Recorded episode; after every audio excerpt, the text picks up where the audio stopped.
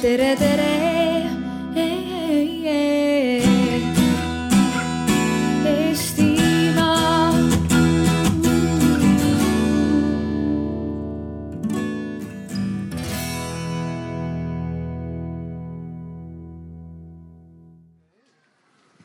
No aga tere päevast, et äh, mulle tundub, et vähemalt paneel on valmis. ma ei tea, kas publik on valmis. kas, kas kõik tehnoloogiad ja, ja meediakanalid on siin valmis? ma ei näe Arp Müllerit, kes Facebookis lubas, et tema kindlasti esimene ja lemmikpaneel on see. loodetavasti ta jõuab siia äh, jälgima ja kajastama seda. aga hakkame pihta, et äh, igaks juhuks ütlen, et siin siis arutatakse selle üle, et kuidas radikaalselt võiks vähendada CO2 heitmeid transpordisektoris. Esialgu küll äh, pakuti välja, et kaheksakümmend protsenti, aga ma arvan, et me võiks küsida, kas on võimalik minna ka sajani või, või siis süsinikuneutraalse transpordini aastaks kaks tuhat viiskümmend. sest, äh, sest kui vaadata viimaste aastate erinevaid rahvusvahelisi raporteid, hinnanguid, siis, siis tegelikult see, see vajadus võtta palju ambitsioonikumaid samme keskkonna ja kliimaküsimustega on, on, on väga tugevalt päevakorral. nii, aga võib-olla alustame siis väiksest tutvustusest. nii, ma näengi Arpi tulemas, väga hea. nüüd on tõesti kõik, kõik valmis selleks. minu nimi on Lauri Tammiste, mina juhin Stockholmi Keskkonnainstituudi Tallinna keskust ja, ja mida me teeme, on siis see, et me püüame olla heaks partneriks nii avaliku kui erasektori otsustajatele, tehes erinevaid analüüse, koolitusi, nõustamisi, et siis, et siis aidata rohkem faktipõhiste ja läbimõeldud analüüsitud otsuste tegemisele. aga hakkame ääre pealt pihta, et igaüks siis võiks tutvustada lühidalt, kes ta on ja mis, mis kokkupuutumus on transpordiga. tere, minu nimi on Merike Saks ja kokkupuutumus transpordiga on, on see, et ma olen Elroni juhatuse esimees, et väga otsene. Tere kõigile, olen Jaanus Uiga, olen energeetika osakonna juhataja Majandus- ja Kommunikatsiooniministeeriumis. transpordiga kokkupuutumus on läbi selle, et kasutan transporti ja eks läbi energeetika jõuab see ka transpordi energiakasutus meieni. millegipärast transpordiosakond arvas, et ma olen kõige parem siia ministeeriumi poolt olema, et eks ma siis äh, proovin ka nende seisukohti esindada. tere päevast kõigile, Marko Viiding minu nimi Elektrilevist. Tegeleme elektritransporditeenustega ehk siis kõigega, mis elektri jõul liigub, võtab ju elektrit tavaliselt elektrivõrgust, kuidas see meie võrku puudutab, kuidas me ise saame kaasa aidata. see kõik on minu rida. tere, mina olen Laire Suurväli, esindan ettevõtet DHL Express Estonia ja transpordisektoris olnud viimased kolmteist aastat. Tere, mina Enn Õunpuu. transpordiga kokkupuude samamoodi nagu ise sõidan autoga, ühistranspordiga, ka energeetikas küll olen olnud tegev pea kolmkümmend aastat erinevates valdkondades, nii elektro kui soojusenergeetikas, vähem transpordis ja hetkel esindan ma siin Eesti Vesinikutehnoloogiate Ühingut. sellega mul seos nii palju, et kusagil ligi kakskümmend aastat tagasi hakkasime Eestis arendama seda tehnoloogiat, mis siis võimaldaks toota puhast elektrit mis tahes kütusest ilma põletamiseta nii nagu näha, et meil on tõesti väga erinevaid nii-öelda valdkondi või aspekte sellest transpordist esindatud, et loodetavasti tuleb siis niisugune hea ja mõnus debatt. et võib-olla alustuseks ma nagu vaatasin nüüd Eesti transpordi numbritele otsa või viimastele suundumustele otsa, siis, siis see pilt ei olnud üleliia julgustav. et, et transpordisektori CO2 heitmed Euroopas tervikuna on seal pea neljandiku moodustavad, Eestis samamoodi on, on oluline osa kogu meie heitmetest tuleb transpordisektorist. sellest, sellest väga suur osa siis tuleb maanteetranspordist ja sõiduautode kaudu ligi kaks kolmandikku sellest transpordisektori CO2-st. ja, ja teiselt poolt on see, et, et meil on olnud aastaid juba erinevad arengukavad ja eesmärgid, mis, mis on seadnud eesmärgiks suurendada siis ühistranspordiga, ühistranspordi kasutust, on samamoodi eesmärgiks aastaks kaks tuhat kolmkümmend vähendada CO2 heitmeid transpordisektoris kolmteist protsenti, suurendada taastuvenergia osakaalu, taastuvkütuste osakaalu transpordisektoris. ometi tänased trendid nagu pigem näitavad, et me neid eesmärke kas ei täida või, või oleme liikumas aeglasemalt kui loodetud. et, et siin ma küsiks Jaanuselt, mina, mäletan seda ka, et, et, et tõesti majandusministeeriumis ma ise töötasin täpselt sellel samal ametipostil, mis sina. et, et, et see vaade nagu energeetikute vaade, transpordiinimeste vaade toona, kümme aastat tagasi, noh, prioriteedid olid võib-olla natuke erinevates kohtades, et et eelkõige oli toona ikkagi transpordiinimeste põhiline mõte oli see, et võimalikult hästi, kiiresti ja palju liiguks transporti ja see keskkonnaküsimused olid nagu võib-olla mitte nii esiplaanil. et täna see, et sina siin oled selles paneelis ministeeriumi esindajana, ka seda võtta märgina, et nüüd lõpuks ometi on energeetika ja keskkonnaküsimused number üks kirg või see tähendab seda, et sind pandi tanki, et kuidas täna lood on? ja väga-väga intrigeeriv. õigus, mul täiesti unustasin ära, et sina olid ju energeetika osakonna juhataja enne, et eks need tulemused, mis meil täna on, siis on väga suuresti ka sinu teene. ja ma arvan, et, et, et hakkabki, eks see muutus ongi toimumas äh, ühiskonnas ja, ja äh, ma ei näeks nii mustades värvides, et äh, kui meil siin paar aastat tagasi oli transpordikütustest taastuvenergia osakaal null koma midagi protsenti, siis nüüd on ta juba seal viie-kuue ligidal, järgmine aasta on kümme kindlasti. ja seda ka kodumaise biometaaniga, mitte ainult imporditavate biokütustega, mis, millest läheb tegelikult raha Eestist välja tulevikus lisandub kindlasti juurde elekter, miks mitte ka vesinik. et noh, ma arvangi, et praegu ongi see õige hetk, kus me oleme need baasvajadused ära katnud, olemegi saanud noh, transpordi kiireks, mugavaks äh, ja kõigeks muuks, mis me tahame ja nüüd saame hakata vahetama seda kütust seal sees, aga järk-järgult jah, ma arvangi, et ega nad vist mind niivõrd tanki ei pannud, kuivõrd äkki nad tõesti näevad, et see keskkonna pool tuleb juurde ja eks meil arengukavades oleme ka ju koos teinud asju, et, et energeetiline pool on meil ja, ja liikuvus on, on, on transpordiosakonnal. et, et täna on ju käimas ka see uue transpordi arengukava tegemine, et, et noh, et mismoodi, võib-olla räägid natuke, et just nimelt, et kuidas, kuidas seda nii-öelda keskkonna või energeetika komponenti sinna sisse te pikite või integreerite hmm.? Kui me nüüd vaatame transpordisektori arengut, siis eh, ega Eesti üksi ei ole Euroopas. noh, ja me oleme sellises Euroopa Liidu klubis, et, et esimene asi, mis me peame täitma, on need nõuded, mis tulevad meil Euroopa Liidust. noh, sa mainisid seda kolmeteist protsenti, see ei ole mitte ainult transpordile vähendamine, vaid kogu siis eh, jah, sellise heitmekogustega kauplemise süsteemi, mis on see CO2 hind, millest igal pool räägitakse, selle väline sektor.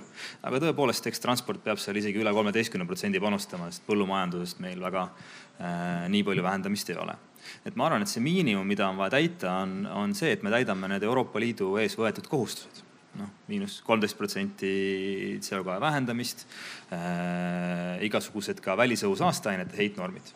ja kui me selle juba täis teeme, siis me oleme väga hästi teinud. nüüd küsimus, kas me peaksime rohkem tegema, seal on juba selline sotsiaalmajanduslik mõjuanalüüs tuleb peale teha. sest kui meil kohustuste täitmisega äh, läheb olukord marginaalselt paremaks, aga kütuse hind kallimaks näiteks kui Lätis, siis noh, tangitakse mujal ja, ja meil on jälle kahjulikum. et eks need on need asjad, mida analüüsitakse läbi selle arengukava koostamisel ja ma tean, et väga pädevad eksperdid on äh, palgatud, et Euroopa Liit ka seda arengukava koostamist toetab äh, korralikult, nii et selles mõttes see tuleb väga põnev asi. Merike, sina endise kantslerina, et äh, kas, kas sina nägid seda nihet kuidagi diskussioonis, et jällegi just nimelt, et see nii-öelda äh, palju teid ja kiireid ühendusi ja versus keskkonna aspekt? ma selles osas olen sinuga nõus, et see keskkonna aspekt pigem on, on selline ikkagi ütleme, niisuguse viimase viie aasta nähtus ja ta on, ta on tulnud nüüd palju rohkem esile, et varem, varem oli see suunitlus tõesti pigem selliste neljarealiste maanteede peal ja et, et saaks nagu hästi suured ja laiad teed ehitatud. aga noh, kui me ehitame suured ja laiad teed, siis kindlasti me saamegi hästi palju autosid sinna peale. ja, ja see meid nagu tõenäoliselt äh, keskkonnaeesmärkide täitmisel väga kaugele ei vii. aga noh, ka ütleme tõesti endise, endise kantslerina. minu meelest, kui, kui tahta teha muudatusi kiiremini ja, ja radikaalsemalt ja, ja suunata ka inimesi tõesti rohkem siis kasutama ühistransporti ja vähendama autostumist, siis tegelikult äh, ikkagi me peame suutma pakkuda teenust, millega inimesed rahul oleksid, ehk see ühistransporditeenus peab olema selline, et, et ka kolme lapsega pered saavad oma transpordivajadused äh, rahuldatud, et, et kõik lapsed saavad äh, õigel ajal õigesse kohta, sa ise saad õigel ajal õigesse kohta. et mina praegu näen seda, olles Elroni juht, olles samal ajal kolme lapse ema et tegelikult just ka see transpordivõrgustik on tegelikult see, mis meil kohati äh, ei paku seda teenust. Ja see on ka üks põhjus, miks äh, selle asemel, et sõita bussiga, noh, kindlasti mu lapsed sõidavad ka bussiga, on meie peres ka näiteks kaks autot, millega me siis veame ennast ja, ja kohati ka oma lapsi ringi, et, et tegelikult me paljuski nagu tegeleme tagajärgedega. Et mitte niivõrd nagu nende, nende põhjustega ehk siis selle keskkonna loomisega, et me saaksime ühistransporti planeerida keskselt planeerida niimoodi, et, et sõidaksid äh, koos rongid, bussid, lennukid, praamid. aga meil praegu sõidavad kõik oma graafiku järgi. aga samas ma võib-olla nagu küsiks laiemalt, et teiselt poolt, et teie tegutsete erinevates erasektori ettevõtetes, et kas, kas te olete näinud või tunnetanud seda, et, et kuidagi, kas teie Äh, kliendid või partnerid või ka avaliku sektori pool, et tõesti on nagu see keskkonnaküsimus järjest rohkem tõusnud esile, et, et on loomas nagu nii-öelda rohkem toetavat keskkonda teie tegevusala? no minu tegevusala, mis puudutab nüüd äh, kütuselemini tehnoloogiat ja vesinikutehnoloogiat laiemalt, on eelkõige just suunatudki selliste lahenduste leidmisele, mis aitavad lahendada nii elektro, soojus kui ka transpordi, energeetika probleemid tegelikult ja, ja eelneva nii-öelda kommentaariks, eelneva jutu kommentaariks, mis siin on läbi käinud, tahaks ma öelda seda, et äh, kui me räägime sellest, et me peame nagu jõudma sinna, mis Euroopa Liit on meil nagu ette pannud mingisugused normid ja nõudmised äh, näiteks transpordiheidete osas, siis on ikka väga tore. aga paraku on see transpordiheidete regulatsioon, äh, vaatab ainult seda, kui palju meil auto nii-öelda summutist seda heidet välja tuleb. aga kustkohast saab kütus autosse, näiteks seesamane biometaan, kuidas ta sinna jõuab, mis tagajärgi tekitab see biometaani põletamine seal automootoris Eesti loodusressursi äh, säästlikkusele näiteks või siis kust tuleb meil elekter autosse, eks ole. täna me teame, et Eesti on maailmas kõige mustema elektriga riik, eks ole, ja kui me seda autosse laadime, siis me auto CO2 nii-öelda inglise keeles on niisugune välja nagu well to wheel ehk siis äh, kütuse algallikast kuni rattani heide on rohkem kui no ütleme siis niisuguse suure keskklassi diisli või bensiiniautol. ehk et tegelikult me tõstame saaste ühest kohast teise ja, ja ütleme riigina me ei hoia mitte midagi kokku, et siin tegelikult tuleb hoopis teistpidi vaadata neid lahendusi.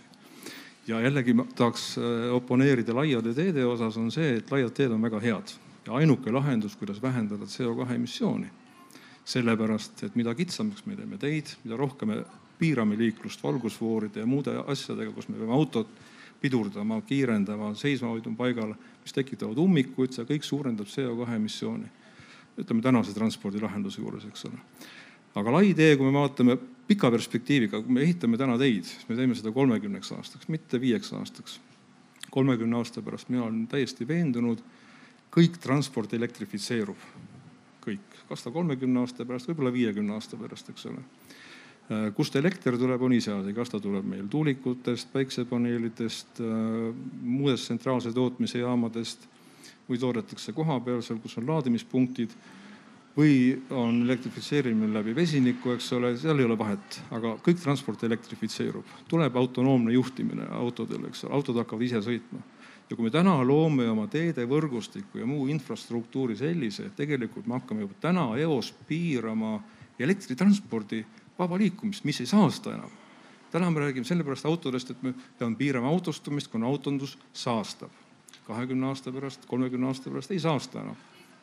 miks me võitleme täna selliste asjadega, piirates tegelikult tuleviku liikuvust, et see on nagu üks asi, noh, et kogu selle nii-öelda baasi loomine ei ole ainult mitte see, et me täna piirame summutist tulevat väljaheidet. et see ei ole noh, nii-öelda pikaajaline vaade, tegelikult riiklikust seisukohast me peame kõigepealt vaatama, mis on kogu väärtusahel.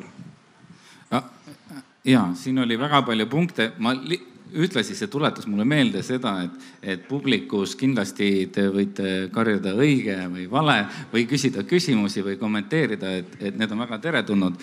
et, et aga, aga mõeldes äh, see, mis, mis sa ise tõid välja, et, et, et noh vähemalt äh, USA ja teiste riikide kogemus näitab äh, minu teada seda, et, et täpselt nii palju, kui sa teid ehitad, täpselt nii palju sinna tuleb autosid peale ka.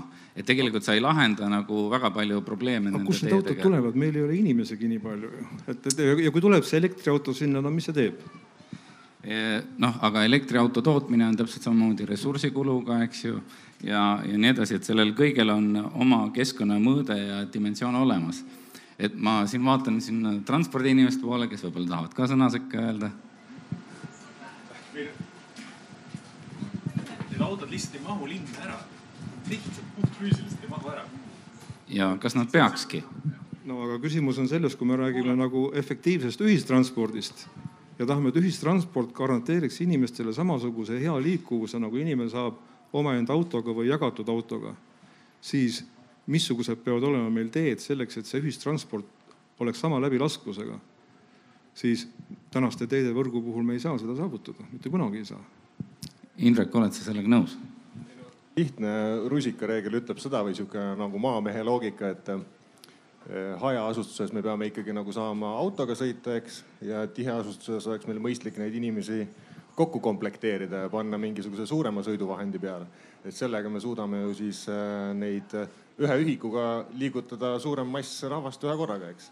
et noh, see on see lihtne loogika, et, et kui rääkida laiade teede ehitusest, noh kuskil kindlasti on seda võib-olla vajalik teha, aga tiheasustusega alas me peaks ikkagi inimesi suutma nagu komplekteerida see kõik on idealistlik jutt, ma vabandan, ma võib-olla liiga aktiivselt siin oponeerin kõikidele, aga, aga see peaks olema selle arvamusfestivali mõte, eks ole.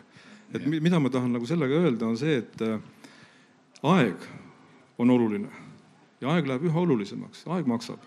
et kui me, see kõik on väga hea, me sõidame oma autoga sealt äh, kakskümmend kilomeetrit Tallinnast eemal, sõidame kesklinna, pargime ära, aga siis me ootame viisteist minutit bussi, et sõita järgmised kaks kilomeetrit. või otsime seda tõuksi, mis on rattaga või elektriga, aga mida kusagilt ei leia, sellepärast et need on mööda linna laiali ja me ei saa edasi, me ja, ja me raiskame tegelikult asjatult aega, võrdub ressurssi aga siis võib-olla on lahenduseks rohkem tõukse, mitte rohkem teid. räägime CO2-st, mis on tänane teema.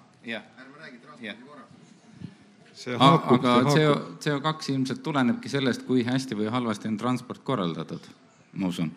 aga, aga jah, tulles tagasi see küsimus, eks ju, oli see, et, et kuidas sa näed, et kas, kas see nii-öelda avalik diskussioon või sihuke poliitiline diskussioon on nagu toetamas vähemalt teie sektoris ähm.?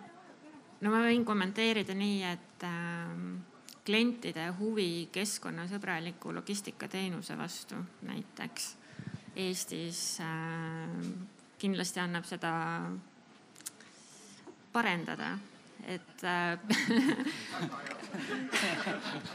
et peamine, peamine huvi on ikkagi see, et oleks võimalikult madal hind, kuigi tegelikult, kui sa igaüks, äh, kasvõi ka eraisik saab valida selle, et, et su kaubad näiteks liiguvad ähm, rohelisemalt äh,, maksta väga väikse lisatasu juurde ja DHL teeb selle eest carbon offsetting ut, siis see, see ei ole väga teema, et äh, et seda oleme meie oma ettevõttes kogenud.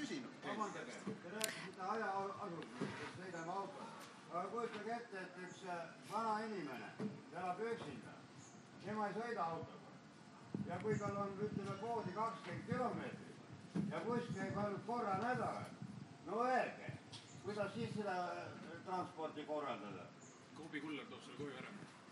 see on tõsine küsimus meile maainimestele teehinnad, okei okay,, tuleb viieteistkümne minuti pärast, aga meil tuleb võib-olla kord-kaks nädalas hmm.. no nii, aga siin on, siin on probleem, et kellel on lahendusi pakkuda?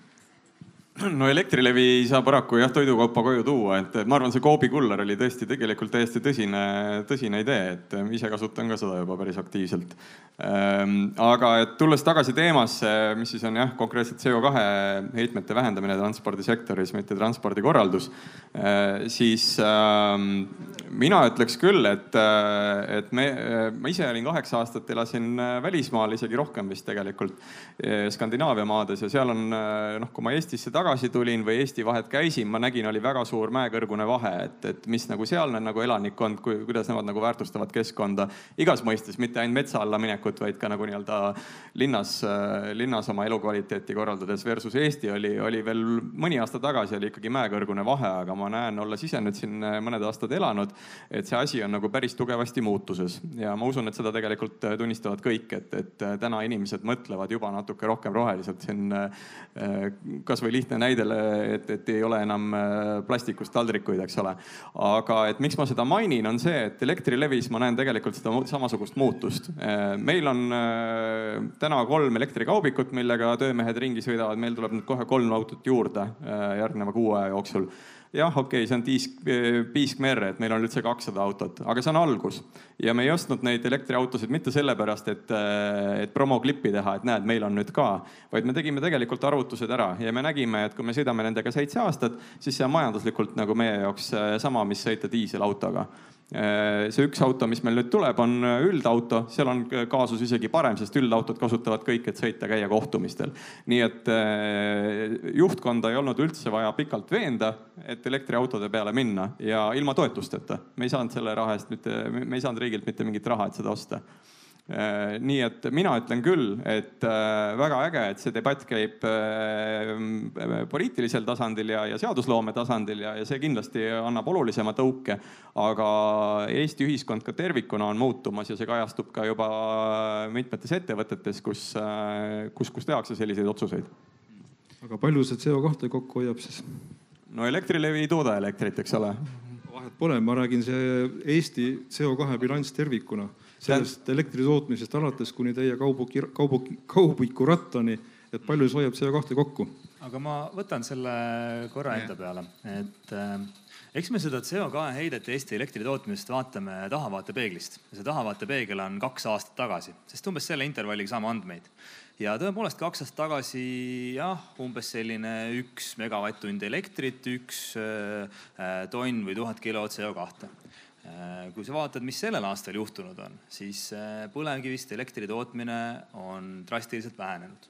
ja sinna asemele tuleb siis importelekter ja kohalik taastuvenergia tootmine. eelmine aasta paigaldati Eestis sada megavatti päiksepaneele näiteks Äh, mis äh, juulikuus oli meil kuus gigavatt-tundi juba päikseenergia toodangut. et tegelikkuses mina niivõrd ei muretseks sellepärast, et kui palju need esimesed tuhat autot, mis meil on tuhat kolmsada autot elektriautot teede peal, äh, CO2 emiteerivad, kuna nad tarbivad meie praegu fossiilset elektrit, kui mõtleks selle peale, et kümne aasta pärast, kui meil on süsinikuneutraalne elekter rohkem siis on need elektriautod ju suurepäraselt paigutatud koos selle taristuga. süsinikuneutraalne elekter tuleb Soome kaabli kaudu? noh, selle jaoks on erinevad tegevused. Näiteks äh, meretuuleparkide rajamine, mille osas me tahame vähem või üldse tuuleparkide rajamine, mille osas me tahame vähempakkumist teha järgmisel, ülejärgmisel aastal. Äh, noh, sinna, sellega me jõuame umbes sinna niimoodi viiekümne, kuuekümne protsendi kanti. noh, Iirimaal on näide olemas, nendel on see tuule osakaal äh, väga tihti üle viiekümne protsendi nende sellest energia tootmis, energia tootmise osakaalust ülejäänud peab tulema siis muudest allikatest.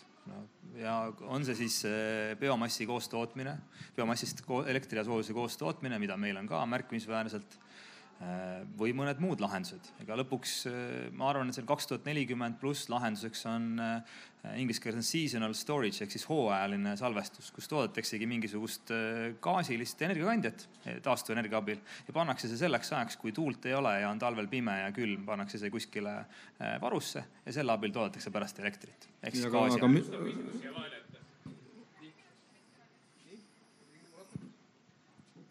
Mul oleks üks täpsustav küsimus siia vahele, et äh, kas see on äh, eksiarvamus, noh, mida tihti väidetakse, et elektriauto, et see tarbib sedasama Narvas äh, põlevkivist toodetud CO2 mahukat elektrit või, või kas on tõsi või ei ole, et kunagi, kui see Elmo mobiilsusprogramm tuli, siis ju kaasnes elektriauto ostuga kohustus, et sa peadki sõlmima nii-öelda rohelise energialepingu ja elektriauto ei sõida selle põlevkivielektriga, vaid sõidabki rohelise elektriga. kas tänapäeval enam seda kohustust ei kaasne, et kas Elektrilevi, teie autod äh, sõidavad siis selle põlevkivielektriga või teie autod sõidavad selle rohelise elektriga, mis pakett, mis, mis paketiga te laete neid?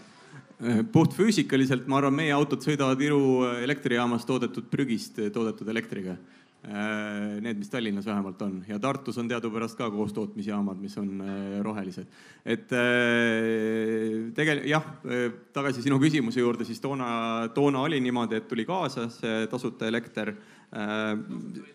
vabandust, jah, roheline elekter Äh, see, kuidas edaspidi tuleb, äh, seda ma ei hakka siin ennustama, see on jälle seadusloome asi. aga tegelikult äh, minu meelest ei ole üldse ühest vastust, mida Enn püüab siin öelda, et tingimata Eestis elektriautoga sõitmine, isegi kui see on põlevkivielektrist, on saastav, sest et mina lugesin ERR-ist mõned nädalad tagasi uudist, kus oli Saksa teadlaste uuring, et kui sa sõidad elektriautoga üheksakümmend tuhat kilomeetrit, isegi kivisöega toodetud elektril, siis sellest hetkest alates juba oled sa bensiinimootori mootoriga autost ees kogu elukaare kuludega. et noh, ma arvan, meil ei ole mõtet hakata vaidlema ühe versus teise uuringu üle, vaid lihtsalt, et äh, neid uuringuid on palju, et ei olegi tegelikult ühte kindlat tõde. ma võtan kohe ühe pildi välja aga see, aga võib-olla, võib-olla ärme liiga palju sinna aega pane, et ma arvan, et oluline on Jaanuse mõte selles osas, et, et äh, see elekter, mis tuleb selle puhtus muutub tulevikus, ei ole kellelgi kahtlust sellest, et põlevkivi osakaal väheneb ja süsinikuneutraalsed või taastuvate osakaal suureneb ja mingil hetkel on ta ka puhtalt nagu igal ajahetkel keskmine energia äh, portfell on, on piisavalt puhas, et elektriauto omab täiesti mõttekust. ja aga kui me loeme täna Eesti energeetika arengukava, siis ei ole seal mitte sõnagi sees sellest, kuidasmoodi Eesti energeetika puhtamaks läheb miks? Ja, ja, miks me ja, räägime Jaanus, siis praegu? mulle tundub siiski mõned, mõned mõtted juba tõi, eks ju, võimsusoksjonid ja, ja muud aga instrumendid. arengukavas ma ei loe seda. aga loeme pärast koos seda, et ma omast arust ise kirjutasin seda kunagi, et sinna sai lehekülgede kaupa seda teksti, aga ja... ma märgin juurde, et, et äh, praegu juba täna on umbes seitseteist protsenti Eesti elektrist, Eesti tarbitud elektrist taastuv aastast kaks tuhat kakskümmend on see kakskümmend protsenti ja kaks tuhat neli, kaks tuhat kolmkümmend me näeme, et see võiks olla juba kolmkümmend kaheksa, nelikümmend. et tegelikult meil ei ole see nii saastav enam nagu noh, nagu me vaatame, me vaatame taha vaatepeeglisse, me näeme seda. okei okay., aga aga see küsimus, et, et kas, kas mingil moel äh, nüüd plaanitakse uut elektriautode toetust, et kas sellega kuidagi kaasneb ka see kohustus siis taastuvenergiat tarbida või, või see jääb vabaks? jah, seda toetust kavandab nüüd Keskkonnaministeerium äh, just selle nende EL-i heitmekaubandussüsteemi väliste CO2 heitkoguste, non-NETS heitkogused vähendamise kohustuse kontekstis. ja mina saan aru, et, et see rohelise elektri kohustus praegu ei ole seal määruses sees, küll aga on läbisõidukohustus. ja see oli see hiljutine Äh, arutelu meedias teemal, et kas riik peaks teadma, kui palju ma sõidan GPS-iga niimoodi vaatama, kus ma õhtuti käisin autoga. aga, aga noh, keegi seda ilmselt niimoodi ei vaata, et vaadatakse, et see kaheksakümmend tuhat või üheksakümmend tuhat või mis see number on, tuleks täis. et tõesti oleks see elektriauto elukaar äh, parem äh, keskkonna mõttes kui, kui bensiini või diisliautol aga ma korra tulen ikka sinu juurde tagasi, et, et, et siin läks diskussioon vahepeal teistele radadele, et, et võib-olla räägi natuke täpsemalt ikkagi, et mida, mida DHL Eesti on pakkunud. ma tean, eks ju, et te olete osalenud keskkonnasõbraliku ettevõtte konkurssidel ja, ja niimoodi teil on siuksed noh, mingid nagu sihuke flagship või sihuke promo nii-öelda paketid, et mis need ikkagi, mis nende sisu täpsemalt on, mida te olete pakkunud oma klientidele? nii-öelda keskkonnasõbralikuma logistika mm no ma võin öelda alustuseks, et keskkonnateema ei ole mitte midagi eraldiseisvat DHL-is, vaid see on integreeritud meie DNA-sse, et, et me pühendume hästi palju oma töötajate harimisele, koolitamisele. meie ostuprotseduurid on, võtavad arvesse nii energiaefektiivsust, keskkonnasõbralikkust kui ütleme siis, et kes meile allhanget teevad, et me monitoorime ja vaatame, kui keskkonnasõbralikult äh, nemad tegutsevad. et see on nagu osa meie DNA-st. et äh, soovid, et ma räägin natukene siis klientide poolest või yeah.?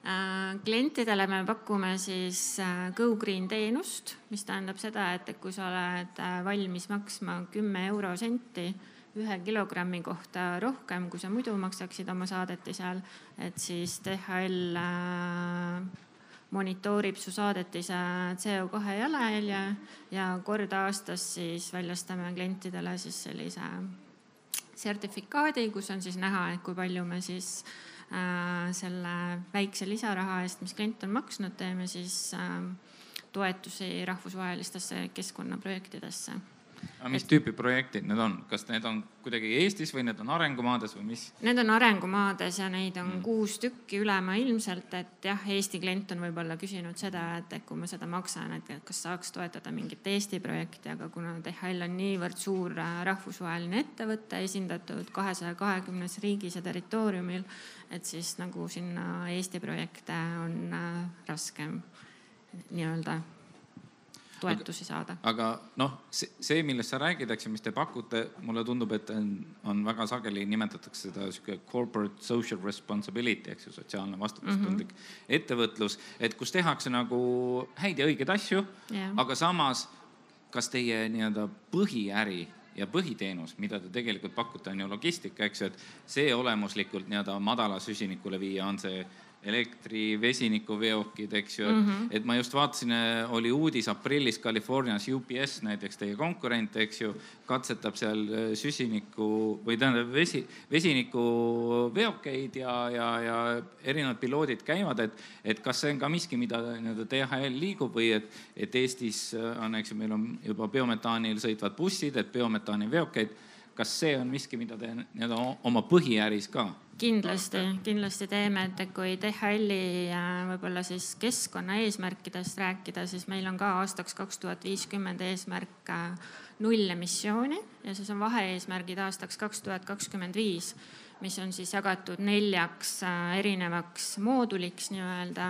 et esimene on globaalne ehk siis soovime oma CO2 jalajälge vähendada viiekümne protsendi võrra versus siis baasaasta kaks tuhat seitse, kui DHL korporatiivselt äh, oma CO2 jalajälje esimest korda mõõtis ja kõik riigid äh, teevad seda mõõtmist alates sellest aastast, Eesti kaasa arvatud, äh, kõikide oma objektide, autopargi, ametiautode suhtes, et sellest ajast on meil see asi paigas.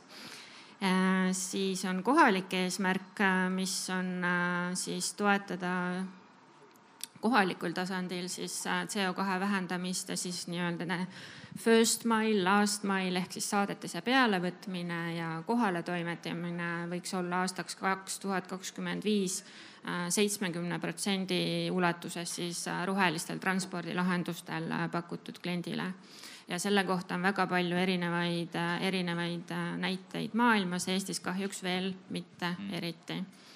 Ja siis on veel olemas majanduslik eesmärk, mis on seotud meie klientidega, kes saavad siis GoGreen saadetisi saata, millest ma äh, lühidalt natuke rääkisin ja on inimestega seotud eesmärk, ehk siis me panustame sellesse, et meie töötajad oleksid keskkonnateadlikud, meil on iga aasta erinevad äh, äh, keskkonnaalased eesmärgid, ühised metsaistutusüritused ja nii edasi.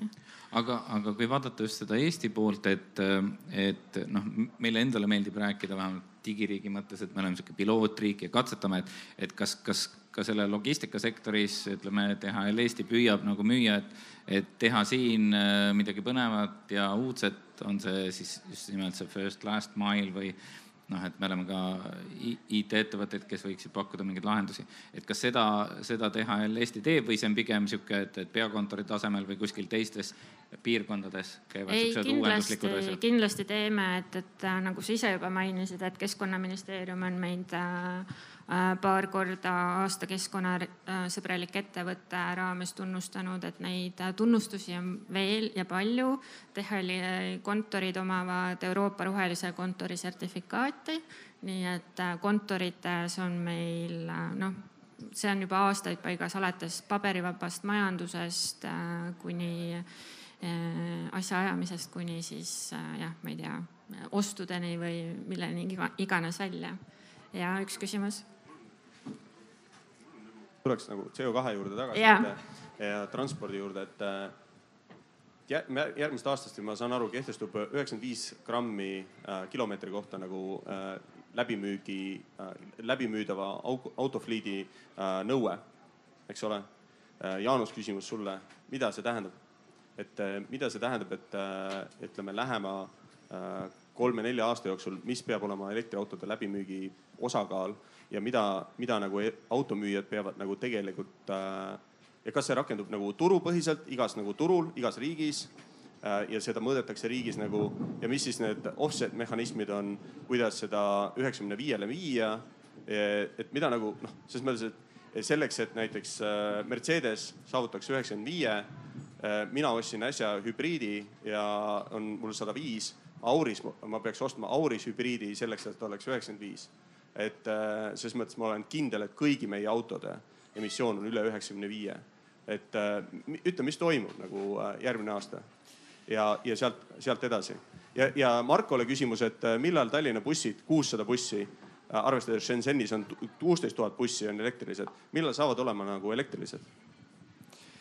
Äh, jätame siis selle põnevama küsimuse, see kuussada bussi hiljemaks. jah ma arvan, et Indrek oskab veel paremini kommenteerida, aga mul on selline, selline üldise taseme vastus, et jah, see tõesti, see portfelliülene eesmärk tuleb äh, autotootjatele, et saada see CO2 emissioon alla uutele müüdavatele autodele. see tähendab põhimõtteliselt seda, et nad hakkavad keskenduma elektriautode tootmisele väga suurelt ja selleks see eesmärk ongi pandud. Ja tegelikult see on üks efektiivsemaid äh, CO2 vähendamise meetmeid, et sa sead need äh, piirid paika, need miinimumnormid, mida peab täitma. Ja kui need on piisavalt kõrged, noh, varem olid seatud mingid muud normid, aga, aga siis hakati seda manipuleerima, tehti igast põnevaid tarkvarasid ja, ja muid lahendusi, millest on meedias ka juttu olnud, et, äh, et nüüd on siis see palju huvitavam norm, ega täpselt ei, ei teagi, mis sellest tulema hakkab seda, seda, kuidas seda kontrollitakse ja kuidas saavutatakse. noh, põhimõte on selles, et nad hakkavad väga tugevalt keskenduma elektriautode arendamisele. mingil määral toob leevendust ka kindlasti äh, gaasiautode, gaasiautode kasutamine ja tootmine, sest selle, selle emissioon on ka madalam. ja noh, oleneb, mis sa sisse paned, et Eestis saab kasutada biometaani, selle emissioon on null, et noh, sellisel juhul saaksid ka sellega enda portfelli alla. ma ei tea, kas Indrek tahab täpsemalt öelda või, või biometaani emissioon ei ole null? ma arvan, et see, et tootjad ei saa meile siis nii-öelda noh, tarbijatele müüa väga suure CO2 nii-öelda sisaldusega või väljaheitega nii-öelda sõidukeid, see aitab meil üleüldiselt nii-öelda selle CO2 nii-öelda vähenemisele kaasa, et võib-olla Eesti eripära lihtsalt on see, et meil ta tuleb väikse nagu sihukese järellainetusega, et kõigepealt ostavad ilmselt rikkamad äh, Saksamaa riigid need äh, vähesemad CO2 sisaldusega võib-olla sõidukeid kokku ja siis noh, meile tuleb ta lihtsalt võib-olla kolm-neli-viis aastat sealt nii-öelda hiljem peale, aga see ei tähenda seda, et meil siin kohalikud tarbijad samamoodi noh, uute sõidukite asele, asemel ei hakka siis nii-öelda eelistama äh, keskkonnasõbralikumaid sõidukeid. aga kas ta, sa tead ka, kas see läheb nagu riigipõhiselt, on see hea küsimus, kas see on riigipõhiselt või see on Euroopa Liidu põhiselt? Äh, Rain Neemlaid, Elektritransport OÜ. Äh, omame Eesti kõige suuremat täiselektrilist sõidukiparki ja oskan su küsimusele vastata, et see on üle-euroopaline okay.. ehk siis sa võid müüa Saksamaal, kus on näiteks mõistlik toetus ja Eestis siis võid nii-öelda tossata palju tahad. Äh, lisaks sellele üheksakümne viie grammi nõudele tuleb nagu aru saada, et seal on ka, see on sõidu, sõiduautodele, et seal on kaubikutel oli vist sada nelikümmend kolm grammi ja lisaks oli see, et kui sa toodad ühe elektrisõiduki, siis sa võid nagu ühe ülisaastava auto ka toota. ehk siis seda nimetatakse nii-öelda super credit system ähm, rohkem ei oskagi kommenteerida. aga, aga no siin muidugi on see, et, et siin, siin ei ole ühtegi automüüjat laval, ma ei tea, võib-olla on publikus. tegelikult. Lauri, ma väikse kommentaari teeks, et ma noh, vaata, et varem oli see, et hakati registreerima neid ARGis või Maanteeametis autosid nagu kaubikuks, eks ole, vaata, et yeah, saaks nagu- yeah., et siis ma ei tea, kas need autotootjad hakkavad rohkem kaubikuid tootma või yeah.? aga jah, et rääkides nendest registreeritud autodest, siis e e eelmisel aastal võeti arvele esmane registreerimine tehti circa viiekümne tuhandele sõidukile, sealt kakskümmend seitse tuhat äh, circa oli uued autod, siis tervelt kolm protsenti olid neist A energiaklassis ehk alla üheksakümne grammi CO2 heide ja elektriautosid oli lausa viiekümnest tuhandest oli viiskümmend. Äh, et et ja nüüd me jällegi mõtleme seda, et nüüd meil siis see eesmärk CO2 vähendamisel, eks ju, et on ainult kolmteist protsenti kaks tuhat kolmkümmend ja, ja kaks tuhat viiskümmend kaheksakümmend, eks ju, et siis, siis see mägi, mida ronida, on üpriski järsk, et ilmselt on vaja mingeid uusi tegevusi. vähemalt tundub, et see nende tänane trajektoor ei ole päris see jah, et, et võib-olla räägigi, et millal teie optimism baseerub, viiekümnele autole hakkate laadimisteenust pakkuma? no laadimisteenusest võime ka rääkida, aga tegelikult tulles selle autode endi juurde, et meie autosid ei müü, ei tooda, ostame. ja see optimism, miks me neid ostame, on, on see, et tegelikult me näeme, et need autod muutuvad järjest paremaks. et meil on kontsernis ka üks esimese põlvkonna või teise põlvkonna Nissan Leaf millega talvel mina tahtsin Jürisse ABB-le kohtumisele minna, panin rooli, roolisoojenduse sisse, panin istmesoojenduse sisse, hakkasin Elektrilevist sõitma, näitas sada kilti sõita, jõudsin Jürile, näitas kolmkümmend kilti veel. et justkui oleks seitsekümmend sõitnud. täna meil tuleb nüüd uus Leaf üldautoks nädala pärast või kahe nädala pärast, siis äh, sellel on kõvasti üle kahesaja, eks ole, et, et asjad lähevad paremaks ja hind on enam-vähem sama, eks ole, mis toona oli äh, tollasel Leafil. nii et äh, ma arvan, et see mägi, millest sa räägid seal, see tegelikult tegelikult eh, tehnoloogia areng nagu su suure osa sellest mäest nagu aitab ära annulleerida. et eh, kas ja kuidas riik peaks kaasa aitama, see on teine diskussioon, kindlasti võiks, onju äh,. aga. see, see ongi täpselt see diskussioon, mis okay. sa arvad, kuidas peaks? et no mina olen majandustaustaga inimene ja mina usun nagu turgu, on ju, et võib-olla eraisikuna ja ka ettevõtte seisukohast muidugi oleks tore, andke toetusi paluks isegi kümme tuhat ja ma ostaks, onju. Aga majandusinimesena vaadates seda pilti nagu suurelt, siis ma arvan, tegelikult riigil oleks kõige mõistlikum seda kaudselt toetada. kui me vaatame seda, mis on tehtud ka nagu mujal maailmas, eks ole, et äh, ongi siis näiteks kesklinnas ainult elektriautode tsoonid äh,. väga hea algatus on tegelikult ju Viru tänav, kus küll kontroll on hästi lõdva, et ma olen seal näinud Mazda kuutasid, millel on hübriidisilt peale kleebitud ja need äh, piraattaksod seal justkui siis hübriidparklas seal võtavad oma kliente, aga tegelikult sellised asjad ju ei maksa riigile või, või linnale peaaegu mitte midagi, et sa äh,, okei okay,, me jõuame siin tagasi nende teede, teede teemani, aga, aga panemegi sõidurajad siis äh, mingid sõidurajad ainult elektriautodele, eks ole. see see ei maksa midagi, et see tekitab pahameelt, aga see on selline meede, mis nagu suunab väga jõuliselt, et sul ei olegi vaja raha välja käia selleks. ja samamoodi maksusoodustused, eks ole, et kui me vaatame Norra näidet, noh, Norra on väga ekstreemne, seal on väga kõrged automaksud, elektriautodel lihtsalt ei ole automaksu Äh, aga, ja, ja noh, võib ju vaielda, et kui kasulik see Norra riigile on siis lõpuks olnud. aga, aga see on selles mõttes nagu üks variant, et me mitte ei, et me, et me ei jaga mingit raha, vaid me anname miskit pidi teeme tagasiarvutusi maksudega, eks ole.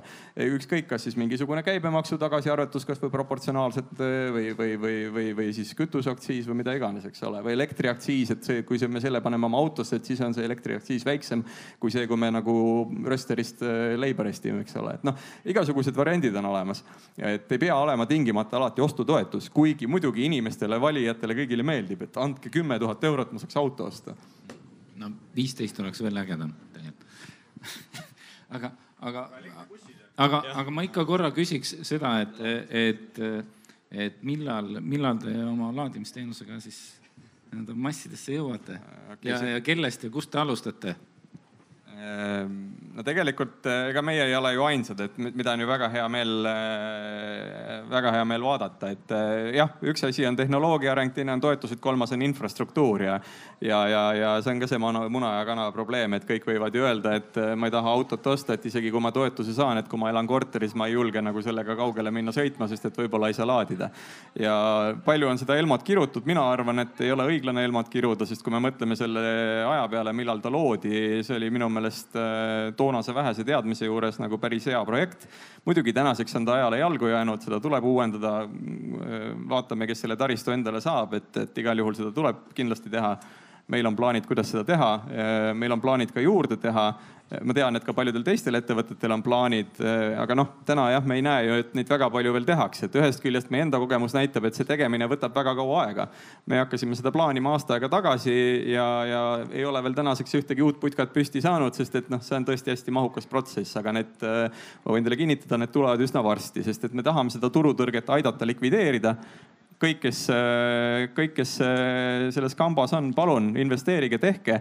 täna on neid autosid veel võrdlemisi vähe, see on ka põhjus, miks Elektrilevi sellega tegeleb, et meie oleme nõus esimestel aastatel kahjumit kandma, kui me näeme, et pikas plaanis on see kasumlik. me kindlasti ei subsideeri seda, me kindlasti teeme seda sellepärast, et see on kasumlik äri, aga me oleme nõus seda pikka mängu mängima, et esimestel aastatel miinust kanda, sest et turutõrge tuleb likvideerida sa ütlesid, et noh, et mitmeid takistusi on veel nagu justkui olemas, et mis need on või mis need kitsaskohad on olnud, et miks see turule tulek aega võtab? no tegelikult äh, esimene on see, et nad tuleb ju kuskile panna, et äh, meil ei ole neid ju mõtet Elektrilevi kontorit ette panna, eks ju, nad tuleb panna sinna, kus inimesed käivad. ja siin on nagu päris palju olnud vaja äh,. ja ma tean, et ilmselt ka Rain võib nagu äh, sõna sekka öelda, et väga palju veenda asukohapartnereid, et eh, see on asi, millele tuleb juba täna hakata mõtlema et eh, kui inimene läheb kaubanduskeskusesse, siis see on see loogiline koht, kus ta tahab autot laadida. Eh, või siis, kui ta sõidab Tallinnast Tartusse, siis mingisugune koht seal, eks ole, et, et oleks see kindlus seal igaks juhuks olemas. Et ta ei taha nagu minna kuskile, kuskile vallamaja ette väikesesse külla, eks ju, et noh, las need elmad seal olla, need on sinna kunagi pandud. aga et mõeldes nagu edasi, kus inimesed tegelikult käivad, siis, siis sinna on neid vaja ja enamik eh, asukohapartnereid, mitte küll kõik, on siiamaani noh arvamusel, et kuule, tuhat kolmsada autot, et nad tulevad nagunii siia, eks ole. no tulevad jah, aga neid autosid tuleb järjest kordades juurde ja sa pead selle peale varem või hiljem mõtlema hakkama. aga ma näen, seal on üks küsimus.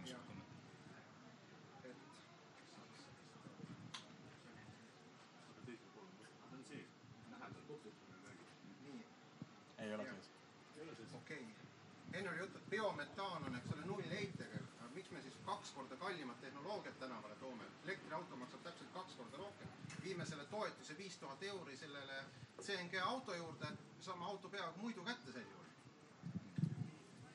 ja keskkonnaprobleem on lahendatud ähm, ma võtan selle ise, ma kõigepealt, mul isegi Kalevi küsimus oli nii hea, ma tahaks ikkagi ise vastata, kuna Marko ei vastanud sellele, et, et. ma vastan ka veel sellele, jõudnud. oot, oot, oot, ma vastan siis ise juba enne ära, kui ma sain ehm, no muidugi see diskussioon läheb nii kuidagi meie peale kaldu, et ma tahaksin sõna teistele ka anda, et. tegelikult rongid lähevad enne elektrile, aga bussid jah. ma, ma, ma, ma kohe võtan sõna, kui te lubate lõpuks mul ka rääkida. siin rongidel on, on kindlasti suur roll mängida, aga elektribussidega ma arvan, et nad võiks tulla siis, kui nad on järgi testitud. Tartu alustas gaasibussidega siis, kui mina olin bakalaureuse esimesel aastal, oli omajagu aega tagasi, see ei paista küll, aga, aga oli. Eh, nad testisid alguses ühte, see ei töötanud eh, enamik aega ja nüüd on kogu Tartu bussipark on, on gaasi peal. et sama võiks ka elektriga olla, et, et testime enne ühe ära, vaatame, kas nagu või mingi pundi ära, vaatame, kas see asi töötab, kuidas töötab, mis, mis asju on vaja teha ja siis lähme nagu täispargi peale. ehk siis see mõte, mis Tallinnal on praegu, et mis hanked on ka väljas, et kõigepealt tellida gaasibusse, mis on juba testitud, paneme need järgmises etapis lähed minna elektri peale, tundub täiesti mõistlik mulle. aga kindlasti siin on teisi, teisi arvamusi. ma korra siis ka veel täidan mikrofoni oma mõtetega, et ja siis on tõesti vist õiglane, et teised saavad ka sõna ja nagu ma ütlesin, rongid on ka väga äge teema et äh, aga bussidest rääkides, siis äh, noh, ennekõike peab seda vastama muidugi DLT, eks ole, ja, ja Tallinna linn, kes, äh, kes on DLT omanik. aga rääkides sellest koostöölepingust, mis Eesti Energia kontsernil DLT-ga on, siis äh, mina olen seal töögrupis olnud, me oleme koos vaadanud Tallinna bussivõrku, me oleme välja valinud need esimesed bussid, mis, bussiliinid, mis võiksid olla elektrifitseeritavad, võttes arvesse tänaseid elektribusside võimsusi. me oleme välja mõelnud, kus nad peaksid elektrit saama, kus neid peaks laadima hakkama me oleme vaadanud, millised on meie alajaamad seal lähedal, me oleme vaadanud ka DLT enda alajaamasid, sest neil on veel trolliliinidest ka alajaamasid järel.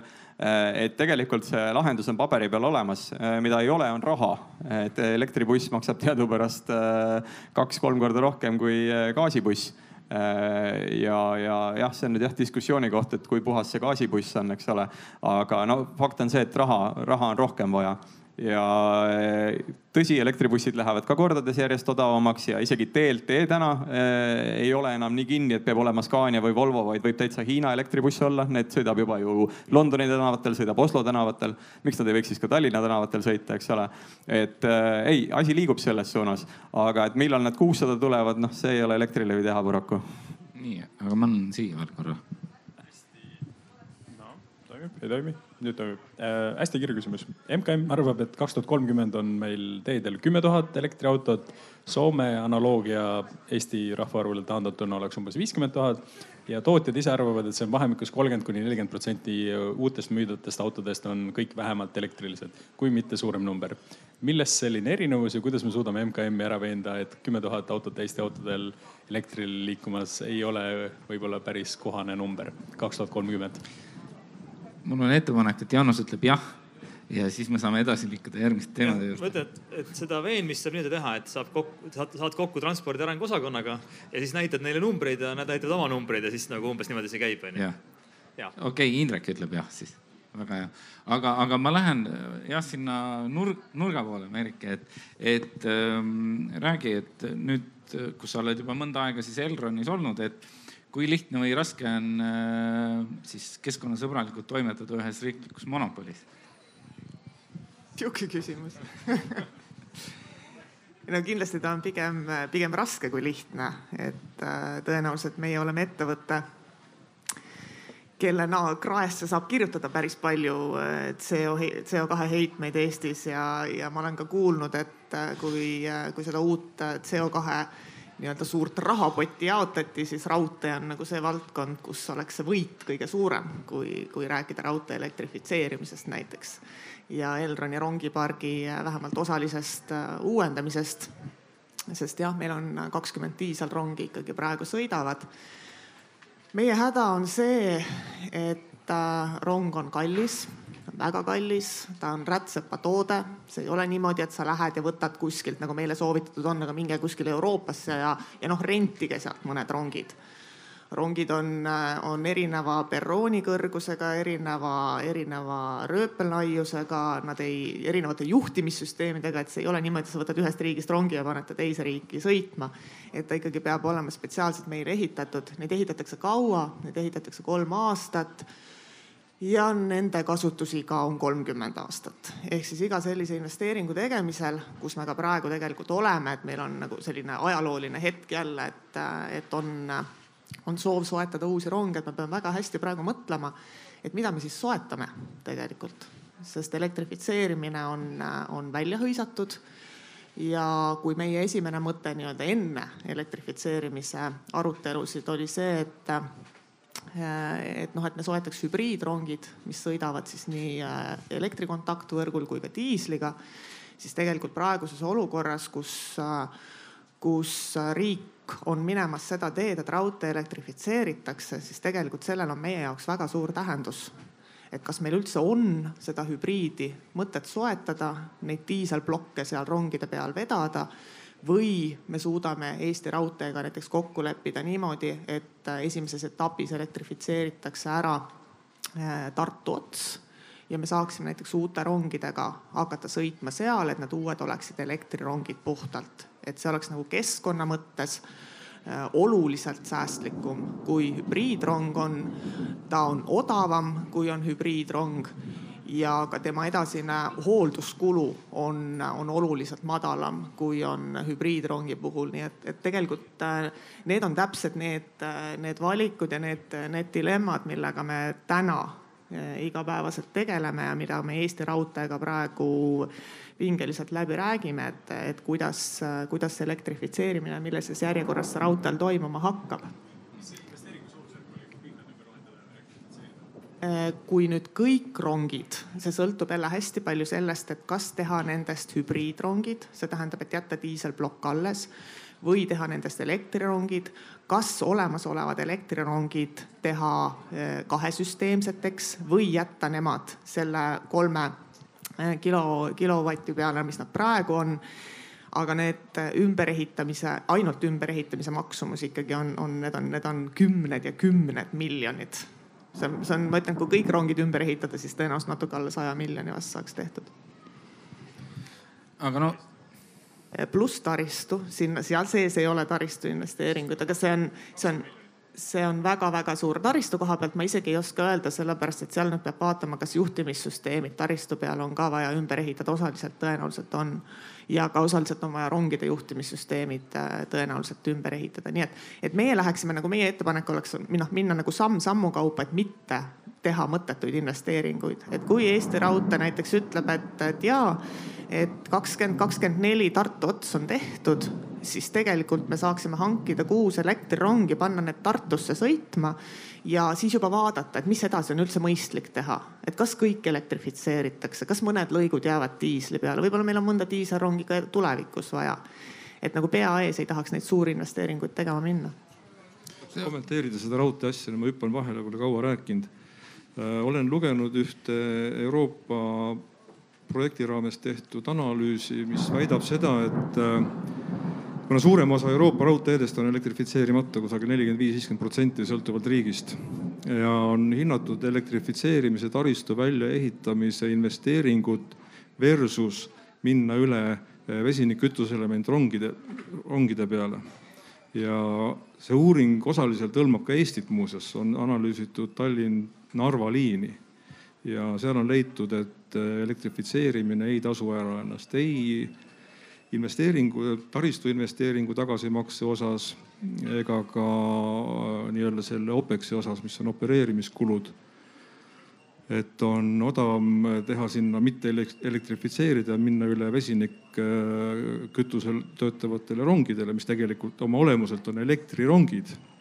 aga elekter toodetakse rongi pardal, nende läbisõit on umbes tuhat kilomeetrit, täna me teame Alstomi rongid, mis sõidavad juba ja mida on nüüd juba mitmetes kümnetes äh, tükkides tellitud nii Saksamaal, Inglismaal kui mujal riikides ja, ja mitu riiki on teinud, ka Austria näiteks on teinud teatud liinidel uuringuid, mis on keerulised liinid, kus äh, elektrifitseerimine maksab kusagil kaks kuni kaks pool miljonit eurot kilomeeter. ma korra. väike kommentaar, et, et kui me, kui me räägime Eestist, siis äh, me räägime, ütleme, et me soetame kuus rongi ja rongid on rätsepatöö. see tähendab, et mitte keegi, mitte ükski ettevõte ei hakka meile välja töötama kuute vesinikurongi. aga, aga jõuame vesinikuna et, hetke pärast, et, et, et proovime enne kui välk meid tabab, ikkagi läbi käia ka selle rongide temaatika, et, et et äh, aga kuidas sa näed, üks asi on see, eks ju, et okei okay,, teil on võimalikult parimad nii-öelda keskkonnasõbralikud, efektiivsed, kaasaegsed rongid. aga, aga kui me vaatame viimased aastad, üldiselt ühistranspordi kasutatavus on ikkagi langenud, et Elron, Elron on peaaegu ainuke erand, kelle reisijate arv on, eks ju, selgelt tõusnud, et öö, ähm, kuidas sa näed, kas teie koostöö nii-öelda teiste transpordiliikidega, bussidega või, või kui head võimalused on tulla, tulla ja jätta oma auto või tulla rattaga, eks ju. et, et kas see on paranenud ja, ja mis, mis teil plaanid tulevikus on, et kuidas seda ühildavust parandada? et äh, võib-olla see, see üks mõte, et äh, et miks Elroni kasutatavus ja miks, miks inimesed rohkem rongidega sõidavad, on see, et meie suudame pakkuda kiirust ja tegelikult meie klientide esimene põhjus, miks nad rongiga sõidavad, on see, et rongiga saab kiiresti ühest kohast teise. Et bussidega on, on see häda, et ükskõik, kas ta sõidab diislil või ta sõidab gaasil või ta sõidab vesinikul, ühtemoodi ummikus istuvad nad tegelikult kõik, kui neil ei ole eraldi radasid, et, et kiirus on see üks asi.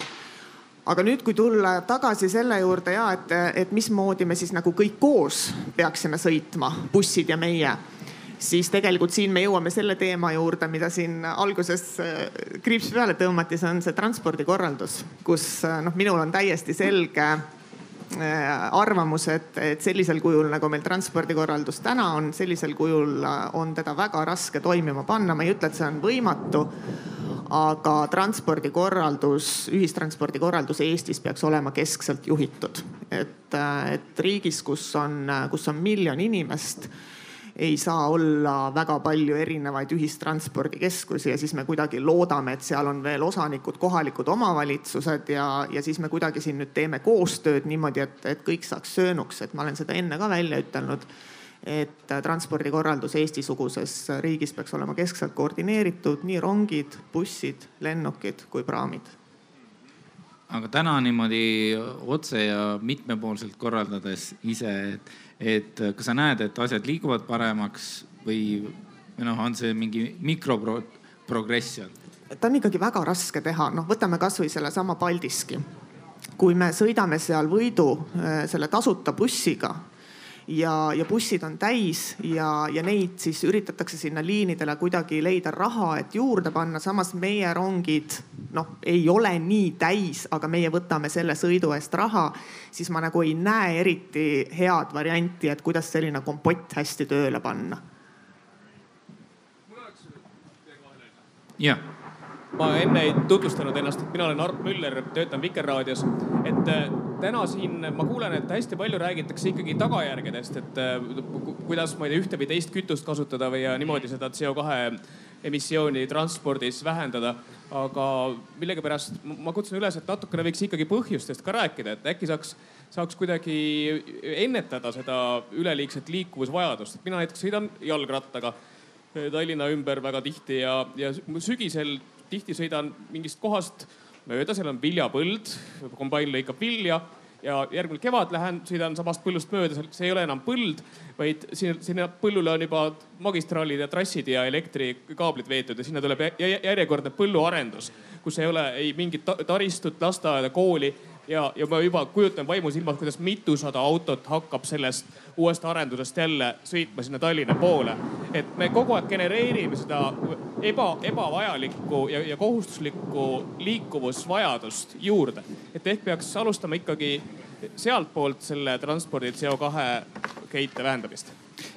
ja absoluutselt, ma olen väga nõus ja, ja tegelikult nii-öelda ühe teemaplokina oligi just see sundliikuvusvajadus aga samas enne juba paneeli algust me jõudsime niimoodi nukralt kibedalt naeratades tõdeda, et mitte keegi meist ei tegele planeerimisega, ruumilise liikuvusega, mis ma arvan, on tegelikult ka peegeldab natuke seda nii-öelda liiklustemaatikat, et väga sageli justkui noh, niimoodi moe pärast öeldakse, et tõepoolest, see on ikka tähtis, et, et meie, meie linnad ja elukeskkond võiks olla hästi planeeritud, et, et lapsed saaksid käia jala, eks ju, koolis või lasteaias või trennides ja, ja selline nii-öelda äh, tekitatud vajadus transpordi järele on väga suur probleemi allikas. samas, kui me vaatame nagu äh, noh, ütleme kasvõi Tallinnale otsa, eks ju, Tallinna reidide saaga, eks ju, siis äh, noh, kõik, kõik, kõik, kõik need teemad, et ma ei tea, kas, kas siin publikus on kedagi, kellel on väga hea lahendus välja pakkuda, et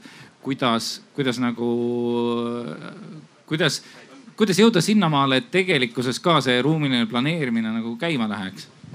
et, et siin tagajärgedega vähemalt mulle tundub, et on mõtteid. et me, mina tõstaks käppa, et ma olin äh, geoloogiateenistuse asedirektor äh, veel märtsikuuni, et äh, ka MKM-i süsteemis ja üks asi, mida on väga paljudes linnades, mis on Tallinna suurused Euroopas ja kus, kus, kus on ka nagu kasvavad linnad, nagu on Tallinn ja meil tuleb iga, iga aasta tuleb viis tuhat juurde, eks ole. kõik välismaalased, kes tulevad, on ikkagi üheksakümmend protsenti potsatavad Tallinnas. nii et ja me oleme atraktiivseks kohaks muutunud. et äh, ja, ja seetõttu seda atraktiivsuse säilitamiseks me peab ka linn olema nagu elav. et äh, Helsingis, Stockholmis, Kopenhaagenis, Varssavis on metroo. see on see, mis viib jalakäijaid ja jalgrattaga sõitjaid ja geoloogia poole pealt täiesti tehtav. Kopenhaagenis mere ääres tehtud, see ei ole üldse ulme. Dublinis tehakse, kui Thessalonikis tehakse, Breskias tehakse ja see on kolmkümmend nagu, nagu no ütleme metroo, ütleme pool metroo, mis kesklinna osas on sukeldunud. see on äh, nagu see suur verearter, mis kannab nagu ja buss, buss ja, ja siis tramm äh, teenindab metrood, mis kannab nagu ühe, nagu seda suurt veduteed. et äh, nagu see on üks, üks, mitte et see oleks nagu hõbekuul, aga see on täiesti tehtav miljardi projekt. ja Kalevi toetuseks tuletan meelde, et metroo sõidab elektriga ka, nii et siin on ilma CO2-ta. Okay. Iru elektriga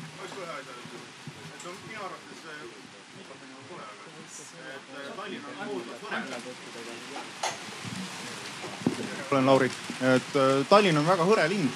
Tallinn võiks olla kaks korda tihedam ja see vähendaks olulist liikumisvahendust, vähemalt see liikumine.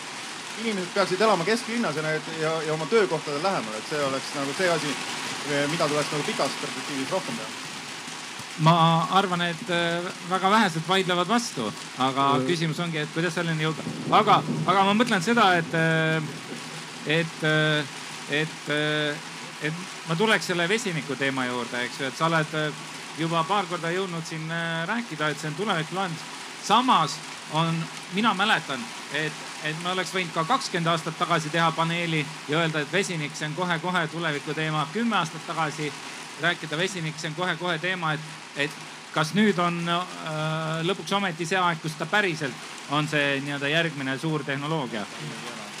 no ma ei tähtsustaks üle sõna vesinik. Et see on, võib-olla viib inimesed eksiteele, et, et vesinik oleks nagu mingisugune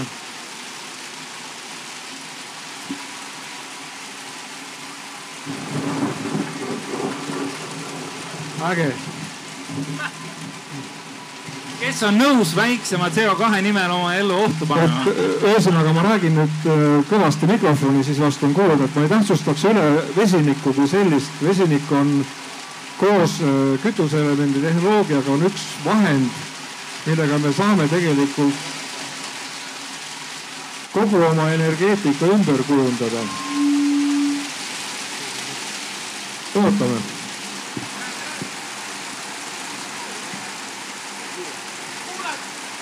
kuulete?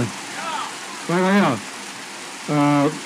Aga enne kui ma vesiniku juurde tagasi tuleks, ma täpsustuseks ütlen äh, selle vesinikurongi kohta nii palju, et äh, Stadler muuseas, kes on Eestis tuntud äh, rongitootja, Elron võib seda kinnitada. Stadler ehitab kaks vesinikurongi Sillertali jaoks spetsiaalselt viiekümne kilomeetrise liini peale ja selle tasuvus on kaks korda kiirem kui selle lõigu elektrifitseerimine, et ehitab küll ka kuus rongi hea meelega. ja aga ma, ma alustasin oma juttu natukene sellest, et me tegelikult peaks vaatama äh, kogu selle äh, saaste tekkimise ja tarbimise äh, ahelat koos mitte seda, palju meil transport emiteerib äh, CO2 autos, vaid kust saadakse see kütus sinna, kas ta on elekter, kas ta on bensiin, diisel, äh, biometaan või mis iganes kütus see on. kui palju kulub selle eelneva lõigu jaoks CO2, äh, kui palju emiteeritakse CO2, siis tegin ma selle jaoks ühe analüüsi. Äh, analüüsi sisenditeks kasutasin äh, erinevaid allikaid, mis on teadusartiklid, analüüsid erinevate inimeste ja organisatsioonide poolt tehtud. ja tulemus oli lihtne. kõige vähem keskkonna saastav on loomulikult taastuvelektrist laetud elektriakuauto. absoluutselt selge. eluea saaste on kusagil kuuskümmend, seitsekümmend grammi kilomeetri kohta. See on kogu eluea saaste, kui võtame auto tootmise ja aku tootmise ja muu asjad. järgmine on äh, roheelektrist toodetud vesinikuga sõitev elektriauto. täpselt sama saastega. eeldus on, et elekter oleks toodetud roheelektrist ehk siis vesinik roheelektrist ehk siis tuulest, päikesest nüüd äh, saatelt järgmine on tegelikult äh, üllatus küll, aga on maagaasi reformimise teel saadud vesinikuauto, mille eluea saaste on kusagil sada grammi kilomeetri kohta. ja, ja sama umbes on ka siis, kui me biometaani reformime vesinikuks, selmet seda põletada mootoris. heide on sama, aga kasutegur on kaks korda, kaks pool korda väiksem, kui me põletame seda biometaani automootoris. ja see on halb, sellepärast et biometaan on meil kodumaine väga piiratud ressurss. me peame sellega väga hoolikalt ringi käima ja vaatama sealtsamast algusest, kust ta tuleb, kas ta tuleb meil prügimäelt, kas ta tuleb meil loomakasvatusest või ta tuleb meil äh, heitveepuhastusjaamast see on biogaas, mida, millega me peaksime arvestama, mitte see, mis on põllul kasvatatud viljast tehtud või, või äh, loodusest. Siis see kasutegur on ääretult madal ja sellepärast ja, ja pluss see, et ta ei ole saastevaba. NOx-i ja, ja, ja väikseid äh, tahkeid osiseid me emiteerime ikkagi ja see on see, mis tapab inimesi otseselt äh,. jällegi Euroopas sureb enneaegselt aastas umbes kaheksasada tuhat inimest halva õhukvaliteedi tõttu. mis on põhiliselt põhjustatud NOx-i ja äh, tahkete osiste tõttu ja see tuleb põletamisest, mis tahes põletamisest, kas me põletame biokütust? See, et Eesti on nüüd elektri tootmises saavutanud nii suure biokütuste osakaalu, tuleb ikkagi sellesama arvelt ja peame põletama oma puitu. ma, ma arvan, et selle, selle osaga, et eks ju, et, et vesiniku nii-öelda lahendused, et see nii-öelda kasutegur energiast, mis sa saad, eks ju veel kasutamisel on, on parem. Ja see on hea, aga, aga nüüd on küsimus see, et, et, et et täna ikkagi need vesinikuprojektid on, enamus on pilootprojektid, et neid on. ei ole, ei ole enam pilootprojektid, ta on et... täpselt samavõrra pilootprojektid, kui on elektriautode toomine, kui me vaatame Hiinat näiteks, eks ole mm., siis Hiina täna on äh, elektri või akuautode mm, dotatsioonid vähendanud üle kahe korra mm. ja selle asemel on tõstnud nüüd äh, vesinikeelektriautode mm, dotatsioone, et tuua seda tehnoloogiat kiiremini turule, kuna ta on keskkonnasäästlikum ja ta on efektiivsem kasuteguri mõttes. ja see on me, oluline ressursi säästmisel. aga kui me räägime Eestist, et äh, mis sinu arusaamine on, et, et kus võiks äh, katsetada, et kas me räägime sõiduautodest, kas me räägime veokitest, kas me räägime bussidest või rongidest, et kust nagu pihta hakata sellega? konsensus on nagu see, et äh, mida pikemaks läheb distants, mida suuremaks läheb koorem, seda efektiivsemaks muutub vesinik akuautodel on oma nišš kindlasti olemas lühimaa transpordil, kus ei ole tarvis äh, äh, pikka läbisõidutsüklit äh, ja suure koorma vedamist, kaasa arvatud bussid ei ole efektiivsed teha akudega. veoautod seda enam, eks ole. ja see on ka DHL-i hea näide, kus DHL nüüd ostab sada uut kaubikut, mis on ka vesinikuga töötavad, läbivad viissada kilomeetrit mitte Eestis muidugi, see oli Saksamaal projekt, jah. aga see nagu näitab seda, kuidas nagu transpordiettevõtted saavad aru, sest et kui me võtame näiteks äh, äh, Tesla Semi, mida suure hoolega välja reklaamib, siis äh, ühe megavatt-tunnine aku kaalub seitse tonni. teljekoormus on sama, järelikult see läheb maha payload'ist ehk kasulikust veost, mida sa, mille sa raha teenid, eks ole. pluss kiirlaadimiseks on tarvis kahte megavatti võimsust. No see lihtsalt ei ole reaalne, eks ole, aga samas vesinikuauto me laadime täis viieteist minutiga, sõidame tuhat kilomeetrit. aga Jaanusel on siin kommentaar. ja eh, noh, sellega kindlasti saab nõus olla, et, et kodumaist biometaani tuleb maksimaalselt väärindada ja, ja eh, vesi, jah, nüüd on nagu rohkem kuulda jah, okei okay.. ja mulle tuli ka meelde see küsimus, mis enne oli, et mm, et kuidas, et mis on need teised lahendused, kuidas me kuidas me jõuame selleni, et hakatakse rohkem, rohkem kasutusele võtma biometaani ja elektrit ja ilma ka sellise riigipoolse toetuseta, et see lahendus ongi see, et meil on eh, biokütuste segamise kohustus eh, eh, trans- või kütusemüügiettevõtjatel ja, ja tegelikult me oleme üsna vabad käed andnud selle osas, et kuidas see saavutatakse, see biokütuse osakaal mis tähendab, et äh, ettevõte võibki investeerida elektriauto laadimistaristusse, ta võib äh, investeerida äh, CNG müüki ja siis biometaani GO-sid selle vastu tühistada. ja miks ka mitte vesinikku, aga vesiniku puhul ongi jah tähtis, et see ei oleks see nii-öelda hall vesinik või, või fossiilne vesinik, vaid just taastuv vesinik. ja neid projekte on ikkagi praegu vähe. et ma ei ütle, et nad ei tule ja siin on küsimus, kas Eesti peaks olema see innovatsioonivedur või, või ootame ära, kui Saksamaa on selle teadusarenduse kinni maksnud ja siis võtame need tehnoloogiad endale üle? siis me oleme sabas sörkijad ja kui me täna vaatame näiteks Eesti tuulepotentsiaali, me kohtusime eile tuuleassotsiatsiooni juhiga ja Eesti tuulepotentsiaal oleks kakskümmend pluss teravatt-tundi aastas. Äh, Eesti elektritarbimine täna on kusagil kaheksa teravatt-tundi ülejäänud kümnest me saaksime toota rohevesinikku väga hästi ja seda transpordis kasutada nii raudteetranspordis kui maanteetranspordis. ja seal on küll vesinikule veel muid äh, võimalusi ja seda saab ka sesoonselt, kui me räägime üldse pulseeruva energeetika salvestamisest, siis peale vesiniku täna ühtegi tõsiseltvõetavat alternatiivi ei ole. kui me räägime salvestamiseks pikemat kui nädal või kuu aega isegi, eks ole aga mina vaatan, et äh, aeg on läinud linnutiivul meil, meil on siin paneel varsti lõppemas. ma mõtlesin seda, et me, me oleme siin püüdnud katta erinevaid aspekte, ehk siis poliitika poolt ja tehnoloogiate poolt ja, ja hästi näpuotsaga siis ka seda, et tegelikult võib-olla oleks mõistlik, et meil oleks paremini elu korraldatud, et nii palju ei peakski liikuma. Äh, aga et võib-olla lõpetuseks ikkagi tulles täitsa algusesse tagasi, et täna see transpordivaldkond ja süsinikuheitme vähendamine seal on ikkagi, tundub üks keerukamaid et võrreldes elektri ja sooja tootmisega, et võib-olla kõik panelistid siin ütlevad üks-kaks-kolm mõtet, et mida kindlasti võiks teha nii-öelda, mida täna me veel ei tee selleks, et seda protsessi kiirendada. see võib olla enda tööga kitsalt seotud või, või laiemalt. et mi, mis tundub, et täna puudu on nagu tegevustes? Mina tuleks ikkagi, kui sa küsid nagu sellist äh, laiemat mõtet ka, et siis, siis ma tuleks ikkagi selle juurde tagasi, et vaataks äh, ümber äh, selle, kuidas me inimesi saaksime rohkem kasutama ühistransporti, jalgrattaid ja kuidas me seda kõike korraldame. et ma arvan, et kui me seal suudame saada säästu, siis see võimendub, võimendub kordades jah, kindlasti see liikuvuse korraldamine on tähtis.